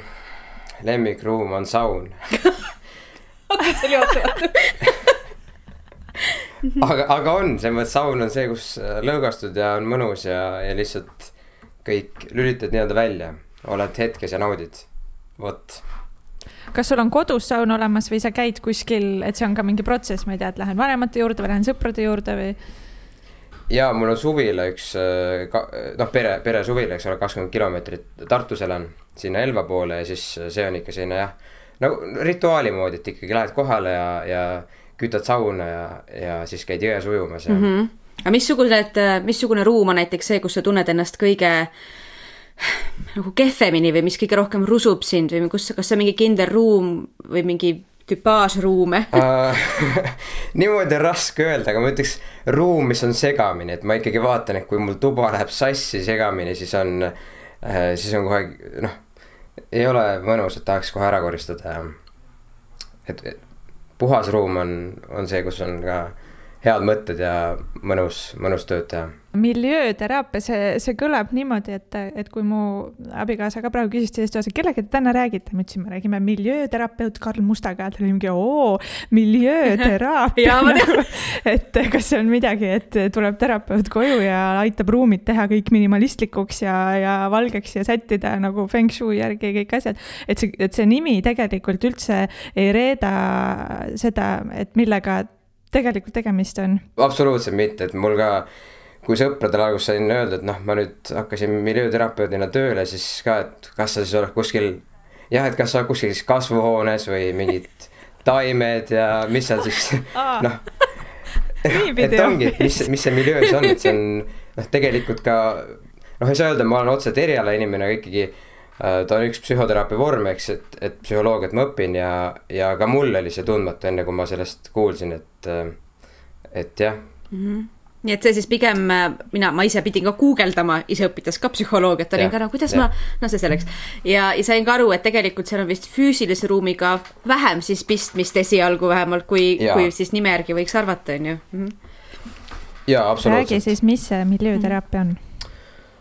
Uh, no sest on nii lü lühidalt on väga raske sellest rääkida, eks, aga, aga ma proovin, eks ole, ole, et miljööteraapia koosneb kahest sõnast, miljöö ja, ja teraapia, eks. Et miljöö on siis justkui see, äh, see keskkond ja see eelkõige representeerib siis neid inimestevahelisi suhteid, nii siis äh, töötajate kui ka eakaaste vahelisi suhteid, kes siis seal noh, miljööteraapiat meie teeme ravikodus äh, ja nende noorte vahel, noorte vahel siis, kes seal on. Ja, ja see teraapia osa tähendab siis muutust ja arengut. et, et võikski öelda, et see on siis justkui keskkond on korraldatud nii, et saaks toimuda see teraapiaprotsess. see oli väga hästi kokku võetud ju. Selge, arusaadav, kõik suurepärane ühesõnaga, see mi- miljööteraapia on nagu veel rohkem, et meil on noh, tegelikult miljööteraapias ka sambad, kuidas, kuidas me noorega noh, mida me peame silmas pidama siis äh, noorega suhtlemisel, et seal on kaitsmine, toetamine, struktureerimine, kaasamine ja tunnustamine. ja noh, kui ma hakkaks neid veel eraldi lahti seletama, siis see läheks, noh siis me võiks eraldi podcast'i osa teha sellest. aga et see on, et noh, mis me võib-olla kõlama jääb, et see on väga, väga ka mitmeid erinevaid teraapiavorme hõlmav, hõlmav äh, teraapia meil on noh, ühistegevust terve nädal on, noh, meil on küll kindel struktuur, aga praegu on meil noh. Esmaspäeviti on hipoteraapia, eks ole, nüüd hakkas jälle pihta, eks ole, lumi sulas ära. hobustega ratsutamine meeldib väga, siis on meil muusikateraapia, koolis saab ujumas käia mm,. meil on filmiõhtud ja iga, iga õhtu on õhturing, kus me siis arutleme võib-olla, mis on päeval toimunud või, või loeme mingit raamatut söögi tegemises saavad nad ise kaasa lüüa, osaleda. lauamänge mängime, et, et ähm, ja väljas käime väljasõite ka vahepeal, et, et neid ühistegevusi ja jagub, et üksinda, et neil on see ruum, kuhu nad saavad minna vajadusel. et natuke varjuda ja noh, eks ole, ikkagi privaatsust tahad ka. aga, aga kahtlemata neil on see võimalus ka, ka ühistegevustes osaleda ja olla. kas see on Eestis äh, väga levinud teraapiavorm? Ei ole, tegelikult ongi see Pepper ravikodu, kus mina olen, see sai alguse siis kaks tuhat neliteist, seitse aastat oleme tegutsenud. Eestis väga lapsekingades ja, ja pigem teeme sellist pioneeritööd, aga küll aga Põhjamaades, et äh, Taanis on näiteks äh, seitsesada ravi, miljööteraapilist keskust ravikodu ja Norras on see väga levinud. et tegelikult meie, meie ravikodu juhataja Anne-Daniel Karlsen ka äh, üle kümne aasta praktiseeris ise Norras miljööteraapilistes ravikodudes ja sealt ta siis nii-öelda noh, see, see siia Eestimaale jõudiski, eks. et seal, et, et Norras, Rootsis, Taanis see on, see on üsna, üsna levinud.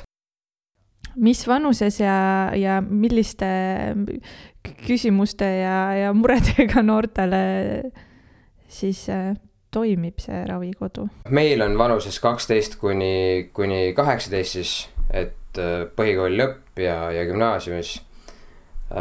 me oleme Tartu Herbert Maasingu kooli allüksus, ehk siis kõik noored, kes meil on, on ka hetkel Maasingu koolis õpilased. et noh, meie juurde nad jõuavadki läbi Rajaleidja otsus siis Maasingusse ja siis ähm, meil on kuus kohta. ja probleemid on noh, või noh, need, need, need, millega nad pöörduvad, on väga erinevad, et, et põhilised võib-olla traumakogemusega noored ähm,, söömishäiretega ähm,, obsessiivkompulsiivset häiret aktiivsus, tähelepanuhäiret. ja noh, ärevushäired, depressioon. et need on, need on see, millega me igapäevaselt, igapäevaselt tegeleme. see kontseptsioon on avatud ravikodu, ehk siis ikkagi avatud tähendab seda, on ju, et, et see kontakt äh, ühiskonnaga ja maailmaga jääb, et nad tulevad esmaspäeva hommikul.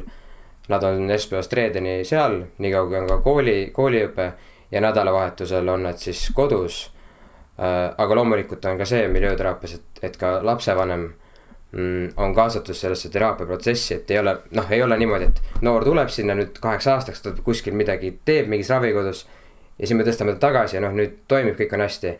et ikkagi see vanem on selles protsessis kaasas, ta teab täpselt, mis, mis toimub ja, ja noh, ka nii-öelda neid ka, vanemaid ka jõustada ja, ja nõustada kuidas me oskame. kas seal on, kuna nad on seal väga palju, noh, suure osa oma siis nii-öelda nädalast ja sellest nagu protsessist, kui nad teiega koostööd teevad, kas, kas te panete ka väga palju rõhku selle või kuidas see visuaalselt, see füüsiliselt see koht välja näeb, et kas seal on väga suur rõhk ka sellel, missuguses füüsilises ruumis nad asuvad, mitte ainult selles siis, missugune nii-öelda vaimne keskkond neid seal ümbritseb ja tugi äh,? ausalt öeldes, no ma räägin nii, nagu on, eks, et mm, -hmm. et ikkagi oleks tore et ei ja jaa, et selles mõttes miljööteraapia alustalu al,, alustalu, alustala, vundament on ikkagi see suhe, et äh, kuidas me noh, nende omavahelist suhted. et miljöö kui see emotsionaalne miljöö, emotsionaalne ruum. täpselt, täpselt, täpselt suhe kui keskkond, et see on ikkagi see äh, teraapialine vorm. mulle tundub, et need kesksed sõnad tunduvad olevat see sihuke iseseisvus pluss tugi, et nagu selline kombinatsioon kahest, et kas neid või kuidagi ne teie nagu selle teie pakutud kodu põhimõtteid saaksid siis ka näiteks vanemad oma kodus kuidagi rakendada, kas on mingisuguseid kindlaid põhimõtteid või nippe, millega saaksid vanemad ka oma siis noori kodus toetada, kellel, kes siis elavad nendega koos kogu aeg?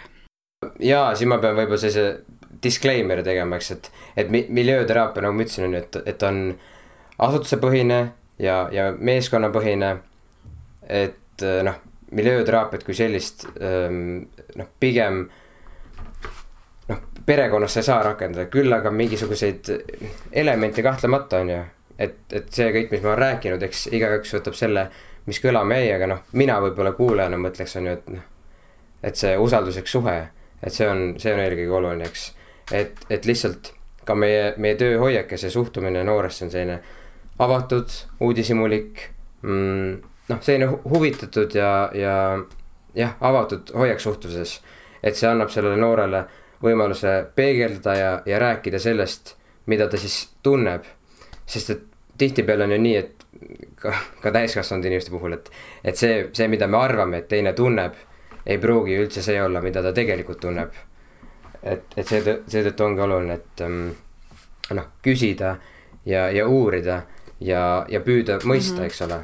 Ja ma just eile mul oli oma emaga ja oma viieteistaastase vennaga oli sihuke kolmikvestlus, kus ma küsisin siis oma venna käest, et mis siin kõige rohkem närvi jääb nagu suhtlusega ema, ema, noh, emaga suhtlemises ja vastupidi ka. ja ema ütles näiteks, noh, hakkasid rääkima, mis talle meeldib ka, ema ütles, et mulle nii meeldib, kui, kui noh, kui mu laps jagab minuga, mida ta tunneb ja siis mu vend vastas mulle vahel, ma vahel soovin, et mu emps ei jagaks nii palju, mida tema tunneb et nagu see, et nagu ma tahan, et mind kuulatakse väga palju, aga ma ei taha alati saada teada vastu, mida mu vanem nagu mm, -hmm. mida mu vanem tunneb kõikide nende asjade osas on ju, et aga, aga jah, ei jah, muidugi arusaadav, et see, kuigi noh, ka kodu on ju, on asutus, äh, meeskond on pereliikmed, et selles mõttes, kui see teraapia nii-öelda, kui see teaduslik teraapia sealt välja jätta, siis selles mõttes on ju needsamad põhimõtted ikkagi kodus rakendatavad mm. -hmm aga jah, et mingil hetkel võib-olla tõesti ongi see konkreetne vajadus ja saada ta nagu sealt sellest keskkonnast ära, mis tegelikult ei toeta, mis ei ole nii funktsionaalsed suhted ei ole kujunenud niimoodi ja näidata, proovida nagu näidata midagi ette või tekitada mingi stabiilsus, siis ma saan aru jah, temas, et. Äh, jaa, see on, see on väga hea point, et tihti ongi see, et, et võib-olla seal kodus ongi või isegi mitte kodus, et midagi on kinni kiilunud, eks, midagi on kokku jooksnud ja, ja ei osata enam ühte või teistpidi kuidagi lahendada, eks. ja siis kasvõi, kasvõi ka isegi see distantsi loomine, eks ole, et see noor on ära ja siis noh, püüdagi näed seda, et mida see noor võib tunda, mida vanem võib tunda. sest noh, ilmselgelt on ka neid juhtumeid, kus, kus täiskasvanud ja vanemad ongi noh, pahatahtlikult äh, väärkohtavad lapsi, eks. aga, aga enam noh, palju on ka seda, kus lihtsalt tehakse. Äh, see kukub välja väga düsfunktsionaalselt. aga see ei tähenda seda, et see soov või see tahtmine tegelikult ei ole noh, parim, et see on ikkagi lapse huvides, lihtsalt ei osatagi paremini teha.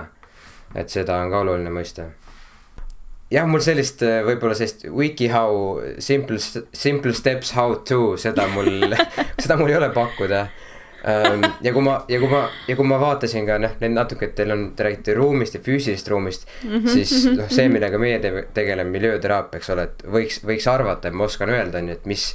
mis silmakaares peab asuma külmkapp, mis pidi peab olema rööster ja mis värvi peavad olema seinad. laps oleks rahulik ja siis, rõõmus. jah, täpselt siis ka seda ma õnneks või kahjuks ei oska öelda, eks. et ikkagi miljööteraapia lähtub sellest, et, et see suhe on see, millel on teraapiline Äh, võime ja, ja omadus aga see on selles mõttes, ma arvan, väga hea point, et isegi kui me küsime sinult nii-öelda nagu nii väga ruumi kohta, siis see, et jõuad kogu aeg tagasi suhteni, on tegelikult see just see kese, et, et me noh, et ka selles nagu episoodis me oleme, me oleme rääkinud inimestega, kes tegelevad nagu füüsilises ruumis inimestega, aga tegelikult ongi see, et, et sul võib olla nagu maailma kõige ägedam tuba, see võib olla nagu eriti noore vaatevinklist kõik, mis sul vaja on, kõik gadget'id, kõik väiksed vidinad, värgid, särgid, aga kui suhe su perekonnaliikmetega on, on kurnav ja frustreeriv ja, ja mitteusaldav, mis iganes pidi või suunal või vormis, siis sellest toast ei ole ka nagu tolku et, et neid, et ei ole nagu sihukest nii-öelda kuldset piiri, et kui lapsel on oma tuba ja tal on toit laual, siis on järelikult kõik hästi, vaid tegelikult ka siis, kui elavad inimesed kõik ühes voodis seitsmeküm-, seitsmekesi ja, ja on. seitsmekümnekesi. ma ei tea, kas see tuli mis perekondadest sa räägid? ma ei tea pole nagu, ma olin üksik laps. Äh, et, et see, et nagu see kõik on nagu sekundaarne selle kõrval, et kuidas need inimesed omavahel nagu läbi saavad tegelikult, et tegelikult see on väga, nagu väga hea point, et, et seda tuleb ka silmas pidada, et et ei piisa sellest, et on oma ruum, on vaja ka oma suhet inimestega enda ümber ja, ja ma olen hästi nõus ka, et just see vanus nagu, millega äh, sina tegutsed, et väikeste lastega meil on kuidagi lihtsam olla uudishimulik ja me mõtlemegi, noh, ta ei teagi ja see hirmutabki teda ja ma kuulan ja niimoodi. ja siis, kui nad hakkavad juba saama seal teismeikka jõuavad, siis mõtleme, et mis asja, ta on juba nii suur nagu, miks ta ei saa aru nagu, et tegele nüüd nagu aitab, on nagu sa ütlesidki, et see on nagu pseudoprobleem nagu, et ma ei taha sellest rääkida. et me ei näe enam oma last kuidagi, meil on, võib tekkida sihuke nagu väljakutse, kuna ta kindlasti suhtleb ka tihti niimoodi väljakutsuval viisil, siis esitad omalt poolt väljakutse, et saa nüüd, saa nüüd suureks nagu ja mõtle nüüd ise loogiliselt nendele asjadele. just just ja seda silmas pidada, et tegelikult me kõik ju tajume, tajume ja kogeme seda maailma noh, mingi, mingil moel sarnast, aga ikkagi erinevalt. et siis noh, ei ole kunagi ju kaht sarnast kogemust, et ka, ka üks sama sündmus ja erinevad inimesed võivad täiesti erinevalt sellele reageerida ja seda kogeda jah, et seda füüsilist ruumi me saame kohe, astume sisse ja me saame aru ja me näeme, mis ta on kuhu paigutanud ja nii, aga sihukesesse emotsionaalsesse ja mõtteruumi on meil palju raskem siseneda teise, teise ruumi ja siis kuidagi mingisugust enda jaoks loogikat sealt leida ja, ja uurida, et mis, mis tema jaoks oluline on. Gea, ma käisin sinu äh, juhendatud teadroleva vanemluse koolitusele eelmine aasta, kui sa veel mäletad, eks ole, oli tore aeg. ja ma mäletan äh, ühe korra sa või me rääkisime sellest, kuidas teha äh, lapse vaatlust, ehk siis kuidas jälgida oma last, jälgida, kuidas ta liigutab, mida ta teeb, milline ta välja näeb ja hästi detailselt istuda, lihtsalt jälgida teda. mõtlesin, et kas sa niimoodi eksprompt suudaksid välja mõelda ka näiteks ruumivaatluse harjutuse umbes samasugusel viisil. ehk siis kuidas äh, nagu juhendada inimest, et ta jälgiks korra ruumi, kus ta praegult viibib ühesõnaga saab äh, ikka, et, ähm, et see harjutus on tõesti siis selline, et kui sa last vaatad, et justkui sa oleksid, on ju, tulnukas, ise oled ise oled teiselt planeedilt või vaatad, et tema on teiselt planeedilt, kuidas soovid, on ju, mis pidi rollimängu teha. et, et justkui pole midagi sellist varem näinud, siis ruumis saab teha tegelikult samamoodi. et äh, aga ei pea tegema, kui noh, vahel ruumides on ju nii palju infot, et sa ei, sa ei pea tegema terve ruumiga korraga, aga sa võid valida mingisuguse osa äh, sellest sinule juba tavapäraseks saanud harjumuspärasest ruumist ja minna siis kas ühe kindla seina juurde, ühe kindla riiuli juurde, ühe kindla vaasi, laua, mis iganes asja juurde, mis sulle seal tundub mõnus ja siis seda proovida jälgida nagu sellist kindlat piiritletud nagu nurka oma toast, eh, vaadelda niimoodi umbes kümme minutit et millised värvid, kuidas valgus sinna langeb või milline tekstuur on, võid katsuda ka, on ju, käega, ma ei soovita keelega, oleneb nagu, mis kohas sa oled, on ju käega pigem, põsega. Ehm, võib-olla panna korra silmad kinni ja proovida seda ette kujutada, siis teha lahti ja vaadata, et mis, mis seal tegelikult kuidagi on ja proovida ka mitte nimetada seda, et ma vaatan siin praegu seda valget seina, vaid et oo mm, -hmm. näed, kui huvitav selline pind, on ju, et siin näha. krobeline natukene. et mis värvi on ja, ja siis inimesed ka sageli näevad seal mingisuguseid pragusi ja mingit tolmu ja niimoodi ja siis lähevad kohe nagu frustreeruvad sellest siis tood jälle tagasi, mõtled, et näed, tolmurull ka, vaatad niimoodi, et ma ei tea, ma ei tea, et see on tolmurull, ma näen, et see on mm -hmm. pehme, kohev. näe, saab teha pai, onju. tolmust nii nunnult et jaa, absoluutselt saab niimoodi vaadata. ta kasvab suuremaks, sa saad talle anda nagu päev päevast nagu juurde, saad kasvatada teda oma väike tolmurull, paned talle nime kastad teda, annad talle soojust ja toitu. siin räägib nüüd natukene see karantiini aja nagu meeleheide et kohe meelde see meem nagu nende lilledega, see oli päris äh, selle viiruse alguses nagu, kui see hästi mm -hmm. palju levis, et, et on okei okay oma nagu toataimedega rääkida, aga kui nad hakkavad mm -hmm. vastu rääkima, et siis, siis on juba probleem, et võib-olla see tolmurulliga on sama, et sa võid teda nime panna ja teda niimoodi võtta, aga kui ta kuidagi sinuga vastu suhtlema hakkab palju, et siis vaatate koos Netflixi õhtul ja tõstate enda kõrvale ja siis nagu www.peaasi.ee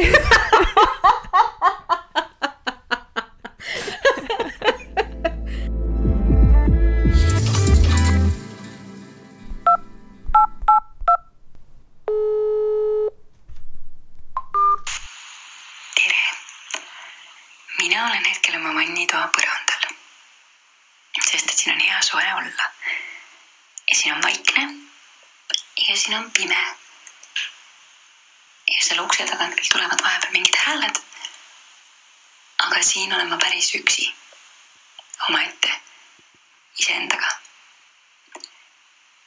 ja kui ma olin noorem, siis mulle meeldis käia vannitoas istumas, sellepärast et see oli ainuke koht minu kodus, kus ma sain enda järelt ukse kinni tõmmata ja kasvõi mõneks hetkeks olla päris üksi, omaette. ja see oli väga mõnus ja nauditav. ja see meeldib mulle praeguseni. hetkel olen siis enda kodusaunas ruum on siis selline kolm korda kaks meetrit. hetkel on kuulda ventilaatori või siis õuduvuti häält.